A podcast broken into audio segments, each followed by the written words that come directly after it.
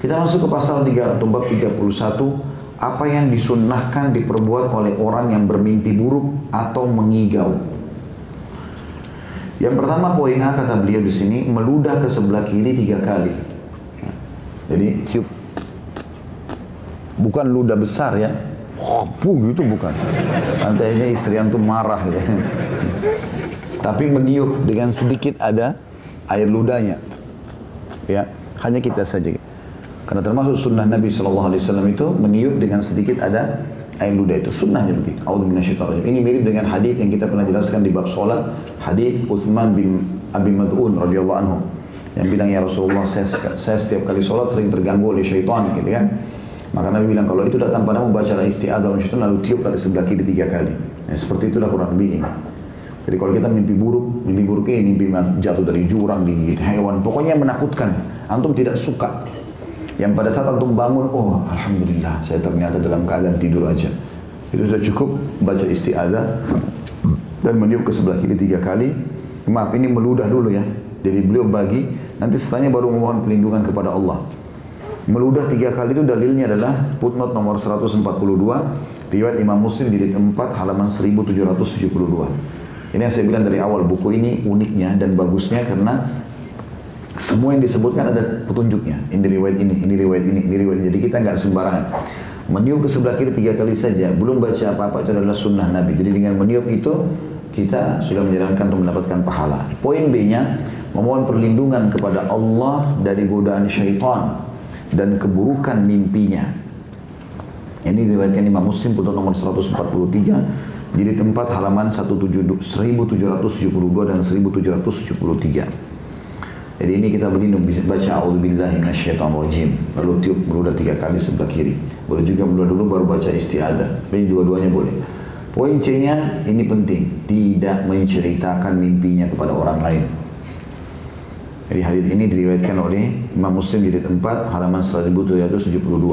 Ada satu keadaan kita boleh ceritakan teman-teman kalau memang kita sedang menceritakan kepada orang yang faham masalah itu. Karena Nabi SAW sebagai Nabi Beliau sering kali kalau lagi habis sholat subuh, dia tanya sahabatnya, ada yang mimpi semalam, ada yang pernah lihat mimpi. Ya. Kalau sahabat sampaikan, maka beliau mentakwilkannya. Dan ini tidak boleh sembarangan. Kata Nabi SAW, ya, siapa yang menceritakan mimpinya pada seseorang lalu ditakwilkan, maka akan terjadi seperti yang ditakwilkan. Nanti jadi masalah. Kan? Oh kayaknya kau sudah mau mati tuh. Oh kayaknya kamu akan begini dan begitu nakut-nakuti orang. Gak faham apa, gak boleh. Ya. Jadi tidak boleh. Apalagi kalau mimpi buruk. Sama sekali nggak boleh. Walaupun kepada pasangan kita segala macam. A'udzubillah syaitan ubah posisi. Udah. Pasangan kita juga begitu, kita sudah tahu dia baca istiadah pindah sebelah kiri berarti atau belah sebelah kiri berarti sudah sudah mimpi buruk. Kalau kita tanya kamu mimpi apa, gitu ya. Itu nggak perlu. Kemudian yang poin D-nya membalik membalik tubuhnya atau mengubah posisi tidur dari posisi ketika ia bermimpi tersebut. Ini riwayat Muslim di 4 halaman 1773. Umumnya kata ulama mimpi buruk itu datang karena tengkurap atau balik sisi kiri. Kan sunnahnya balik sisi kanan. Maka kalau dua posisi itu tengkurap atau balik sebelah kiri ini umumnya mimpi buruk. Dan dipastikan dengan izin Allah Subhanahu wa taala kalau orang uduk sebelum tidur, lalu dia baca zikir mau tidur walaupun cuma satu dari sekian banyak zikir mau tidur, satu saja Antum baca mau tidur al-ikhlas saja itu sudah cukup sebenarnya, apalagi kalau baca semuanya. Gitu kan. Kemudian juga tidur di sisi kanan, insya Allah tidak akan pernah mimpi buruk. Ya. Kemudian yang terakhir yang E adalah berdiri dan melaksanakan sholat bila mau. Riwayat Imam Muslim di tempat halaman 1773. Jadi maknanya begini teman-teman. Terkadang, terkadang Allah Subhanahu Wa Taala menginginkan kita sholat malam, gitu kan? Tapi kita nggak faham Mungkin kita dikerumuni nyamuk, hmm. tidur malam. Orang bangun cuma mimpi saya apa merasa sudah nyamuk ambil semprotan semprot tidur lagi. Bisa saja nyamuk itu tidak ganggu kita, tapi siapa yang mendatangkannya? Saya kadang-kadang kalau terbangun di rumah ada nyamuk, saya terbangun saya lejam jam satu. Ada peringatan dari Allah SWT. Saya wudhu sholat dulu deh. Tidur lagi habis itu tunggu subuh nggak masalah. Tapi kan belum tentu terulang itu. Gitu kan? Atau kebelet kencing, kebelet buang air besar, dengar suara anak nangis atau apa saja, gitu kan. Ambil hikmah teman-teman sekalian, terutama tadi zikir yang saya bilang.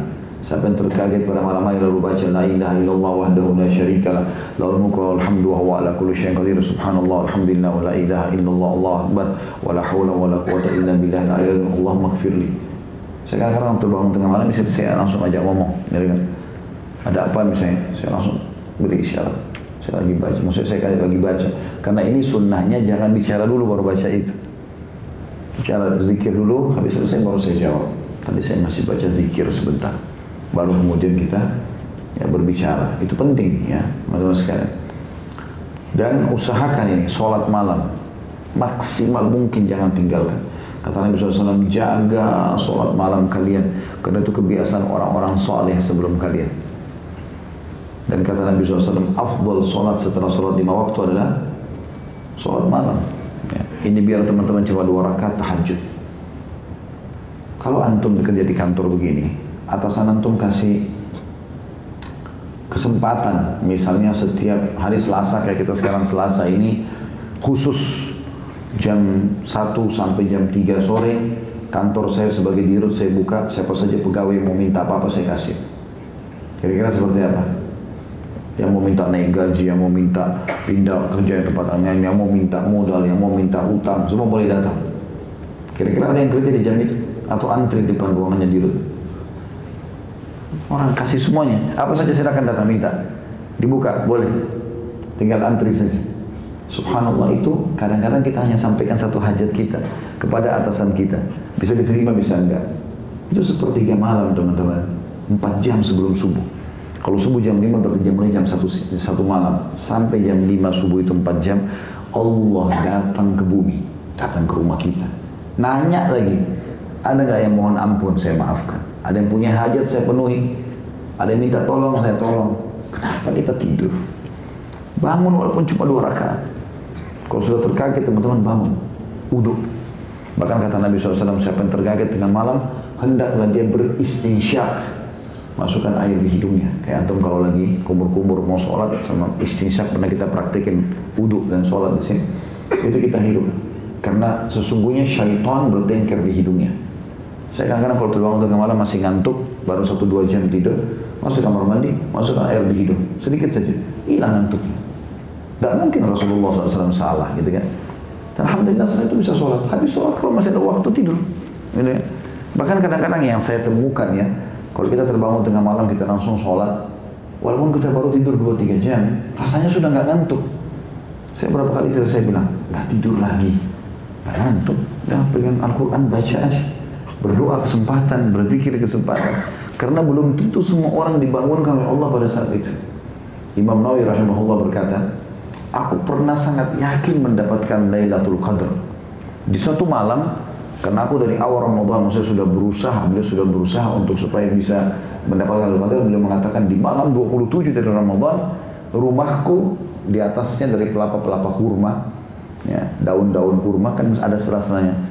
Itu pas di mataku kena cahaya waktu aku buka ada cahaya bulan purnama di atas dan aku melihatnya setelah aku meyakini itu adalah malam 27 dan malam Qadar aku, aku, aku pun bangun untuk sholat Allah SWT kalau membangun kita teman-teman berarti Allah sayang sama kita antum kalau terkaget dengar azan berarti Allah ingin antum sholat bahkan ulama salaf mengatakan kalau Allah mengizinkan seorang hamba mengucapkan istighfar dan lisannya berarti Allah mau mengampuni dosanya jangan disia-siakan itu sayang sekali kalau disia-siakan belum tentu bisa terulang Allah a'lam.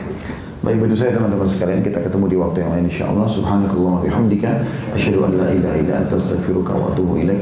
Waktu kita di sini. Oh besok siang insyaallah masih ada. Jadi yang belum sempat dibuka pertanyaan kita akan buka besok insyaallah. Subhanakallah wa bihamdika asyhadu an la ilaha illa anta astaghfiruka wa atubu ilaik. Wassalamualaikum warahmatullahi wabarakatuh.